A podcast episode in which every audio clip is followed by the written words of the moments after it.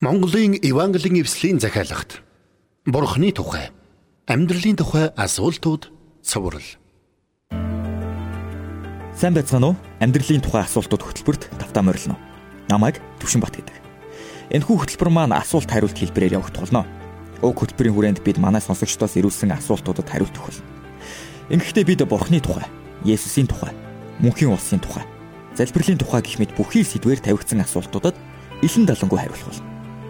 Зарим асуултууд маань магадгүй бурхны үзлийг баримталсан. Тэр бүхэл Христ итгэлийг эсэргүүцсэн шинжтэйч байж болно. Аль нь ч байлаа гэсэн зочин бит хоёр уг хөтөлбөрийг хөтлөн явуулахдаа ямар ч итгэл үнэмшилт ялгаагүй хүндэтгэлтэй хандах болно гэдгийг онцлмоор байна. За ингээд та бүхэндээ зочноо танилцуулъя. Миний өнөөдрийн зочин доктор Дөлөөн ирсэн байна. За сайн байна уу? Сайн сайн байна уу? За тэгэхээр өнөөдөр манай хөтөлбөрийн сэдв залбирал таны амьдралыг өөрчилж чадна гэсэн сэдв байна.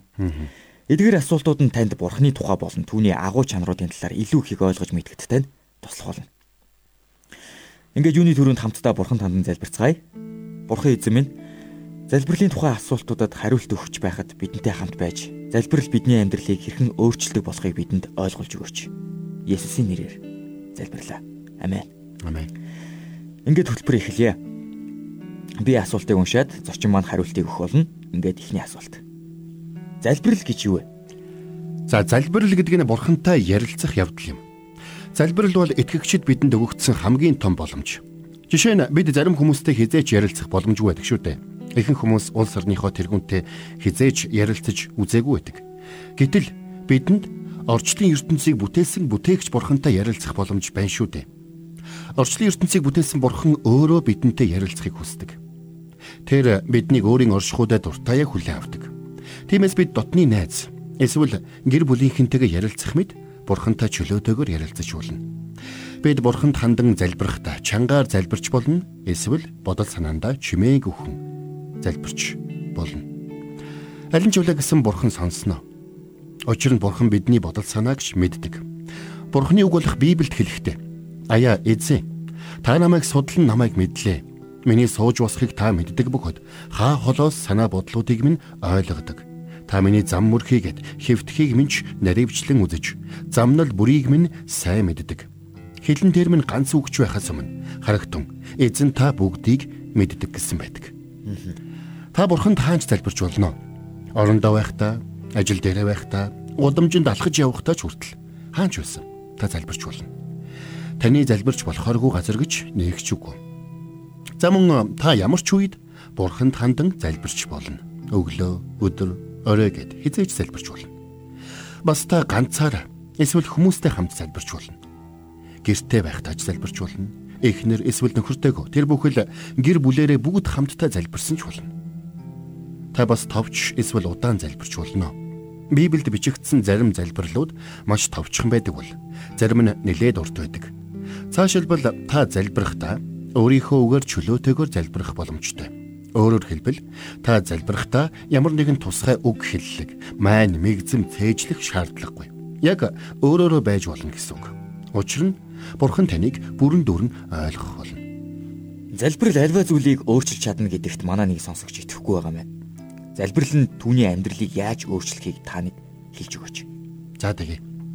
За үжил бодлоо чөлөөтэйгээр илэрхийлсэн одоо асуулт ирүүлсэн Энэ хүнд баярлалаа. Библи таны амьдралыг маш олон янзаар өөрчлөх боломжтой юм. Жишээ нь залбирал таныг бүтээгч бурхантай холбож өгөх болно. Бурхан таныг өөрийнхөө дүр төрхөөр бүтээсэн. Бурхан таныг хайрлаж, тантай ойр дотн харилцаатай байхыг хүсдэг. Харин залбирал таны бурхантай харилцах харилцааг хүчрхэгжүүлэх болно. Залбирал нь танд бурхныг илүү таньж мэдхэд тусалдаг. Бурхны мөн чанар, түүний хайр халамж, өршөөл нэгүүлслийг ойлгож ухаарахд чинь залбирал таныг туслах болно. Залбирал нь таны амьдралд хандсан бурхны хүсэл зоригийг олж мэтгэд чинь танд туслах болно. Ихэнх хүмүүс зөвхөн өөрийнхөө зориг төлөвлөгөөг даган амьдардаг. Харин бидний амьдралд хандсан бурхны төлөвлөгөөг олж мэднэ гэдэг үнэхээр гайхамшигтай хэрэг. Тэгвэл залбирал нь танд бурхны төлөвлөгөөг олж мэтгэд тань туслах болно. Залбирал нь таныг гим нүгэлд уруу татагдахаас хамгаалах болно. За мөн таныг гим нүглээ гимшиж бурхнаас уучлал өршөөлийг хүлээн авахд чинь туслах болно. Өдөр тутмын амьдралдаа болон бүхий л амьдралынхаа туршид дагах мэрэгэн өдөртөмжийг Бурханаас хүлээн авахд тань залбирал туслах болно. Залбирлаар дамжуулан Бурхан таны алхааг ишгээг чиглүүлж зөв зам дээр алхуулах болно. Нэгэн хүүхдийн магтан дуунд эзэн минь цүл дундуурах замыг сайн мэдэх учраас би түүнийг дагахад л хангалттай гэж өгүүлдэг. Тэгвэл залбирал бидэнд Бурханыг дуулууртайгаар дагахад тусалдаг. Залбирал таныг бурхантай ойр байлгах болно. Бас нэгэн магтуу дуунд амьдралын салхи шуурга оволзох үед надтай хамт зогсоорой хэмээн өгүүлдэг. Бид бүгдээрээ л амьдралдаа их баг ямар нэгэн хэмжээгээр салхи шуургыг туулан гардаг. Харин бидний залбирч буй агуу бурхан тэрхүү салхи шуурган донд бидэнтэй хамт байдаг гэдг нь үнэхээр гайхалтай хэрэг. Биднийг залбирх үед тэр гарцаагүй туслах болно. Залбирал бол Бурхан бидний хэрэгцээг хангаж өгөх нэгэн чухал арга зам юм. Бид өөрсдийн хэрэгцээтэй зүйлсийг Бурханаас гуйн залбирчулна. Бидэнд хоол хүнс, хувцас хунар хэрэгтэй байж болно. Бидэнд эдгэрэл, эсвэл эвлэрэл хэрэгтэй байж болно. Үнэхээр бид Бурханы өмнө очиод итгэлтэйгээр залбирэн гуйвал тэр гарцаагүй хариулдаг. Бурхан үнэхээр хүн бүрийн залбиралд хариулдаг уу? Нэг хүн надад бурхан зөвхөн тодорхой хэсэг хүмүүсийн залбирлыг сонсож хариулдаг гэж хэлж байсан юм л да. Энэ үнэн болов. За энэ дэлхийн хаан ч ямар ч хүн бурханд хандаж залбирсан бурхан тэр хүний залбирлыг сонсох болно. Мэдээж бурханд хандаагүй өөр хэн нэгэнд хандсан залбирлыг бурхан сонсож хүлээж авахгүй. Библиэлд газар дундын тэнгист аялж яваад хүчтэй шуурганд өртөн живэх дээрээ тулсан нэгэн хөлөг онгоц төр болсон үйл явдлыг тэмдэглэн бичгтээ. Далайчид айж хүмүүр бурхнаа дуудсан гэсэн байдаг. Тэдгээр далайчдын залбирал нь хиймэл шүтээнүүд рүү хандсан учраас Тэнгэрийн бурхан эзэн тэр залбирлуудад хариулахгүй. Мэдээж бурхан тэр залбирлуудыг сонссон. Гэхдээ тэр залбирал бурханд хандаагүй учраас бурхан үл тоосон гэсэн үг. Харин хэрвээ та цорын ганц амьд бурханд хандан залбирх юм бол тэр гарцаагүй сонсож хариулах болно. Библиэд бурханыг эцэг бурхан, аврагч бурхан, эзэн бурхан, эдгээгч бурхан гэх мэт олон янзаар нэрлсэн байдаг. Харин миний хамгийн дуртай нэрүүдийн нэг бол залбирлыг сонсдог бурхан гэсэн нэр. Учир нь тэр бидний залбирлыг сонсдогт би үнэхээр баярлдаг юм. Бурхан өөрийнхөө тухай айлдахдаа үр зулцх нь бурханд хашгиран олзмахгүй тэнүүчилж байхад хүрээнд хүнс хоолыг нь хэн залгуулж өгдөг вэ хэмээн асуусан байдаг. Бурхан өлсөж шаналсан жигүүртэн шувуудыг сонсож тэдэнд хоол хүнсийг хангаж өгдөг юм бол тэр тусмаа өөрт нь идэхэн залбирч байгаа хүмүүсийн залбирлыг чих тавин сонсдог. Английн нэр номлогч Чарлз Спаржион дээрх ишлэлийг тайлбарлан номлохдоо Хирээний гуайгалах дуу хэдийгээр чихэнд чииртэй сонсогдовч бидний тэнгэрлэг эцэг тэднийг сонсож хоол хүнсийг өгдөг. Тэгвэл бурхан хэрээг анхаарад таныг анхаарахгүй гэж юу хэмээн асуусан байдаг. Эзэн Есүс ч бас нэгэнтэй. Хон хэрээг хар. Тэд тариа тардаггүй, хураадаггүй. Тэдэнд байрс авч агуулгач байхгүй. Гэвч бурхан тэднийг тэжээдэг юм та нар тэр шувуудаас хамаагүй илүү үнэтэй билээ гэсэн байдаг. Тиймээс бурхан таны залбирлыг сонсож хариулна гэдэгт та бүрэн итгэлтэй байж болно. Залбирлаа бурханд сонсоход шаардлагатай ямар нэгэн шаардлага гэж бас байдгүй. За ерөнхийдөө шаардлага бий гэж ойлгож болно. Энэ шаардлага бол итгэл юм. Библиэд хэлэхдээ итгэлгүйгээр таалагдана гэдэг боломжгүй юм аа. Учир нь бурханд ойртон буйн тэр байдаг гэдэгт болон өөрийг нь хайгчдад тэр шагнагч нь болдог гэдэгт итгэх ёстой гэсэн байдаг. Үнэхээр та бурхан байдаг гэдэгт болон бурхан таны залбирлыг сонсож хариулна гэдэгт итгэх ёстой. Энэ итгэл бол бурханд залбирлаа хүргэх үндсэн шалгуур юм шүү. Есүсийг дагдаг хүний залбирал болон Есүсийг дагдаггүй хүний залбирлын хооронд ялгаа байгаа юу? Аа. Тийм ээ. Есүст итгэж Түүнийг дагдаг хүний залбирал Есүст итгэдэггүй хүний залбирлаас олон талаараа давуу талтай юм. Би нэг зүйлийг тодорхой хэлмээр байна.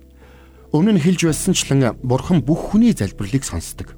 Гэхдээ Есүс Христэд итгэж түүний дагалдагч болсон хүмүүс Бурхантай онцгой харилцаатай болдог. Учир нь Есүс Христэс ангид хүн гим нүглийнхээ улмаас Бурханаас тусгаарлагдсан байдаг. Харин аливаа хүн Есүс Христэд итгэж аврагчаа болгон хүлээн авсан бол тэр хүний гим нүгэл уучлагдаж улмаар тэр хүн бурхантай яг л төрсэн хүүн аавтайгаа ярилцах мэд дотнчлон харилцах боломжтой болдог. Есүс өөрийн дагалдагч нартаа залбиралтай холбоотой маш олон амлалтуудыг өгсөн байдаг.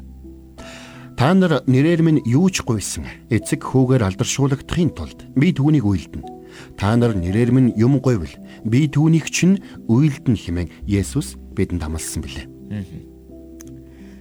Есүс биднийг ерөн залбираасаа гэж үнэхээр хүсдэг гэж юу? Тэгэлгүй яах вэ? Тэр биднийг залбираасаа гэж үнэхээр хүсдэг. Тиймээс ч тэр бидэнд гуй. Тэгвэл та нарт өгөгдөнө. Хай. Тэгвэл та нар олно. Тогш. Тэгвэл та нарт нээгдэнэ. Гуйдаг бүр авна. Ирж хайдаг нь олно, тогшдогт нээгдэн хэмээн сургасан байдаг. Манай нэг сонсогч би бурханд залбирах ёстой юу? Есүс залбирах ёстой юу гэж асуусан байна. За та бурханд ч Есүст ч ариун сүнсэнд ч хиндэн ч хандан залбирч болно.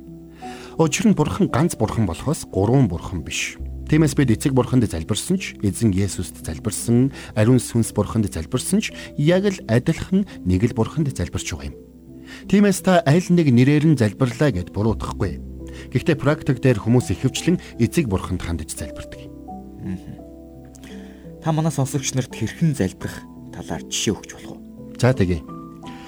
Эзэн Есүсийн шавнар нэг удаа түүн дээр ирээд яг энтэй адилхан зүйлийг асууж байсан. Харин Есүс тэдэнд "Аава, таны нэр ариунаар дуурсдаг. Таны хаанчлал эртдэг. Өдөр тутмын минь талахыг өдөр бүр бидэнд өгөөч. Бидэнд өртөө бүхнээ бид уучладаг учраас бидний нүглийг мөн уучлаач. Биднийг уруу татлагад бүү автуулаач" гэж залбир хэмээн сургасан байдаг. Мэдээж бид Есүсийн хэлсэн үг нэг бүрийг давтах шаардлагагүй. Үүгээрээ тэр бидэнд хэрхэн залбирах загварыг өгсөн гэдгийг л ойлгох нь чухал юм. Тиймээс хамтдаа энэ залбирлын загварыг товчхон аваад үзье. За аава гэдэг нь бид Тэнгэрлэг эцгийнхээ өмнө хүүхдүүдийнх нь ясаар очих ёстой.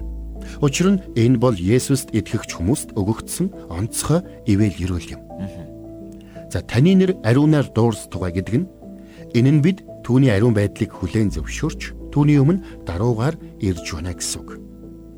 Таны хаанчлал эрт түгэ гэдэг нь бид дэлхийн ертөнцид даяар Бурхны хаанчлал ноёрхож, Бурхны хүсэл энэ дэлхий дээр бүрэн биелэлээ олохын төлөө залбирах хэрэгтэй байх нь.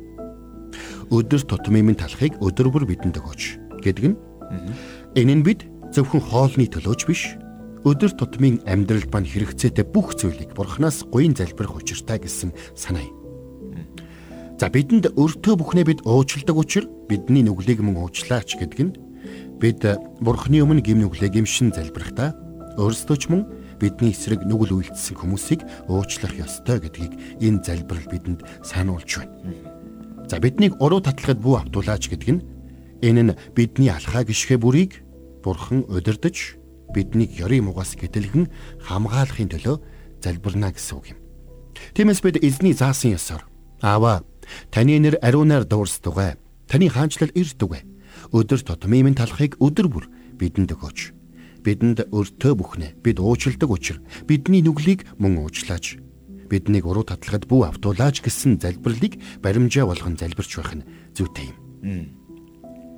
Саяын залбиралтай холбогдуулаад хэлэхэд бидний гомдоож хохироосон те бидний дайсан болсон хүмүүсийг уушлна гэдэгт санал нийлж өгөхгүй байл та. Намайг хохироосон хүнийг би заавал уушлах ёстой юм. За эзэн Есүс нэгэнтээ Хэрв та нар хүмүүсийн алдааг уучлбал Тэнгэрлэг эцэгч нь та нарыг мөн уучлна. Харин та нар хүмүүсийг эс уучлбал эцэгч нь мөн алдаагч нь эс уучлана гэсэн байдаг. Хэрвээ бид үнэхээр Есүсийн дагалдагч мөн юм бол түүнийг дуурайхыг аль болох хичээх учиртай. Тэгвэл Есүс өөрөө загалмаа дээр амьсгал хурааж байхдаач өөрийг нь загалмайд цовдолж байсан Ромын цэргүүдийн уучлалын төлөө залбирч байсан юм. Бид бусдыг уучлах үедээ өөрсдийн амьдралыг хүнд ачаа дарамтаас чөлөөлж байдаг. Бидний хохироосон хэн нэгнийг бид уучлах үед тэр хүний эсрэг хорсол занал үзэн ядалтыг цаашид тээн явж өөрийгөө зовоох шаардлагагүй болдог. Манай нэг сонсогч Есүсийг дагахыг хүссэн байна. Түүнд хэрхэн дагахыг та нэг хэлж өгөөч. За би дуртай хэлж өгье.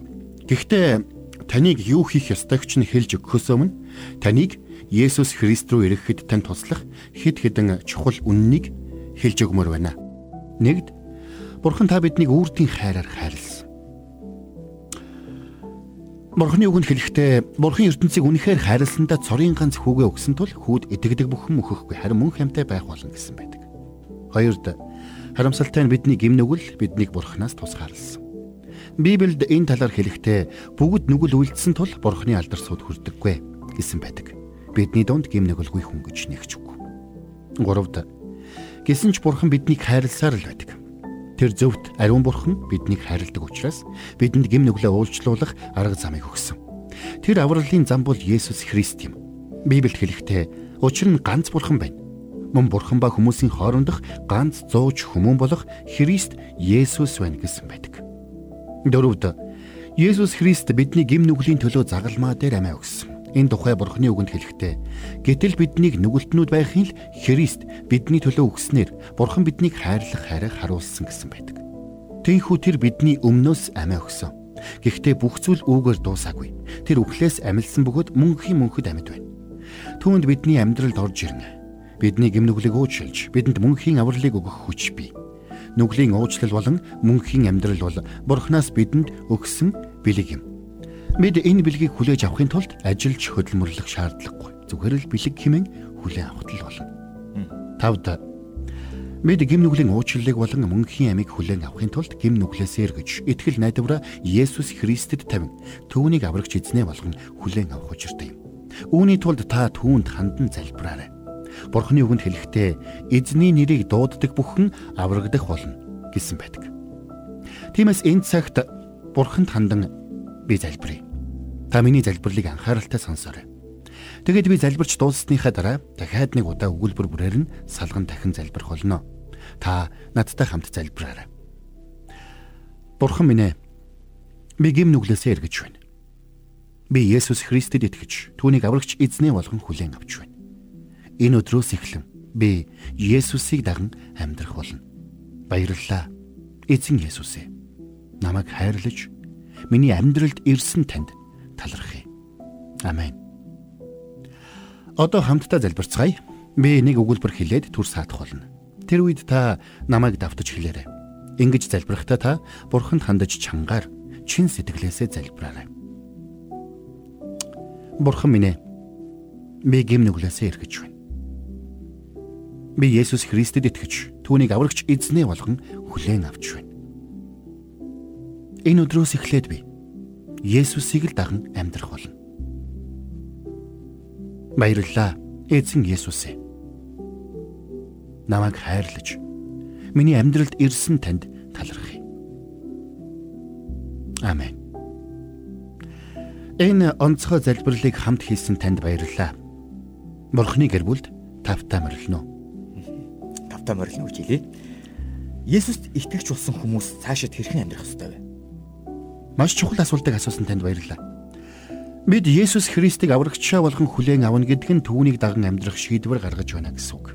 Бид түүнд итгэсэн мөчид гим нүглийн уучлалыг болоод мөн хамиг бурхнаас хүлээн авдаг. Түүгээр зогсохгүй ариун сүнс бидний дотор нутгалж бидний өдөр тутмын амьдралд бидэнд тусалж эхэлдэг. Учир нь бурхан биднийг Есүс Христэд итгэх итгэл дотор ямагт өсөж байгаасаа гэж хүсдэг. Христэд итгэгч бидний хувьд итгэлээр өсөх нэгэн чухал арга зам бол залбирал юм. Бид залбирлаар дамжуулж Бурхантай өдөр бүр ярилцаж, ивэл өрөөлүүдийн төлөө түүнд талархдаг байх учиртай. Бас бид буруу зүйл хийх үед Бурханы өмнө гимшин залбирдаг байх хэрэгтэй. Түүгээр зогсохгүй бид найз нөхөд, гэр бүлийнхнээ Христийн дагалдагчд болохын төлөө залбирэн гуйдаг байх учиртай. Цаашилбал бид өдөр тутмын амьдралдаа мэрэгэн өдөрдөмж чиглүүлгийг авахын тулд Бурханаас асуун залбирдаг байх хэрэгтэй юм. Христэд итгэгч болсон хүмүүс итгэлээр өсч төлөвшөх өөр нэгэн чухал арга зам бол өдөр бүр Бурханы үг болох Библийг унших явдал юм. Залбирх үедээ бид Бурханд хандан үгээ хэлж байдаг бол Библийн үгийг унших үед Библийн үгсээр дамжуулан Бурхан бидэнтэй ярилцаж байдаг. Бурханы үг биднийг итгэлээ өсгөхөд туслаа зогсохгүй. Өдөр тутмын амьдралдаа хэрхэн зөв амьдрах заавар зөвлөгөөг бидэнд өгч байдаг. Тиймээс Библийн үгээс хэсэгхнийг уншиж мөн бурханд хандан залбирснаар өглөө бүрийг эхлүүлэх нь итгэгч хүний хувьд хамгийн зөв алхам юм шүү. Бид Есүст итгэж болсныхоо төлөө хавчигдан гадуурхах тухал уу? Үннийг хэлэхэд та Христэд итгэснээсээ болоод хавчигдан гадуурхагдах магадлал маш өндөр юм. Есүсийг даган амьдрна гэдэг үнэндээ амаргүй. Есүсийг дагсныхаа төлөө хавчигдан гадуурхагдах нь инүүхэнд. Есүс өөрөө ч тэд намайг хавчсан бол та нарыг бас хавчих болно хэмээн хэлсэн байдаг. Тиймээс биднийг Есүст итгэж түүнийг дагсны төлөө хэн нэгэн хавчин гадуурхвал бид гайхах хэрэггүй. Гэхдээ эзэн Есүс өөрөө бидэнд ийхүү сануулсан байдаг. Зөвхт байдлын төлөө хавчигдагсад ерөөлтэйе. Тэнгэрийн хаанчлал тэднийх юм надаас болж та нарыг хүмүүс доромжилж, хавчиж, та нарын эсрэг зүсэн бүрийн ёрын юм хотлоор ярихад та нар ерөөлтэйе. Тэнгэр дэх шагналч нь агуу учир баярлцгаа. Мөн хөөрөн баясацгаа. Учир нь та нараас өмнө байсан иш үзүүлэгчдийг тэд ийхүү хавчсан юм. Хэдийгээр биднийг итгэлийн маань улмаас хавчин гадуурхаж болгоч. Есүсийг даган амьдарч буй бидний амьдралд хайр болон уучлал ноёрхож байх учиртай. Тиймээс ч эзэн Есүс бидэнд Би та нарт хэлье. Дайснуудаа хайрл. Та нарыг хавчигчдын төлөө залбир. Химэн сануулсан юм. Есүс өөрөө загалмаа дээр амьсгал хурааж багтаж Аава тэднийг уучлаач. Учир нь тэд юу хийж байгаагаа мэдэхгүй байна хэмээн залбирч байсан. Гэхдээ бид нэг зүйлийг санах хэрэгтэй. Бид хавчлаг зовлонтой ганцаараа нүүр тулдаггүй. Бидний амьдралд тохиолдож буй хавчлаг дарамт нэг бүрийг бурхан мэддэг. Түүгээр зогсохгүй. Тэр үргэлж бидэнтэй хамт байж бидэнд тусалж байдаг. Тиймээс ч бурхан бидэнд би чамайг хизээж орхихгүй. Мөн чамайг хаяхгүй гэж амласан. Бидний амьдралд буй түүний амьд оршихуйн улмаас бид итгэлтэйгээр эзэн миний туслагч би айхгүй. Хэн надад юу хийж чадах вэ хэмээн тунхаглаж чадна. Тиймээс Есүсийг даган амьдрах итгэлийн амьдралын чинь өдөр хоног нэг бүрийг бурхан ивэж өрөх болтугай. Маш баярлалаа. Баярлалаа. Өнөөдрийн хөтөлбөр маань энэ хүрээд өндөрлөж байна биднийг хүлээн аван сонссон сонсогч танд маш баярлалаа. Та бүхэн манай амьдралын тухай асуултууд хөтөлбөрийн дараа дараагийн дугааруудыг таалан сонсоорой. Монголын Евангелийн эвслийн захиалагт Бурхны тухай, амьдралын тухай асуултууд цоврал. Цоврлын талаар асууж тодруулах зүйл байвал 8085 99 тэгтэг дугаард холбогдоорой.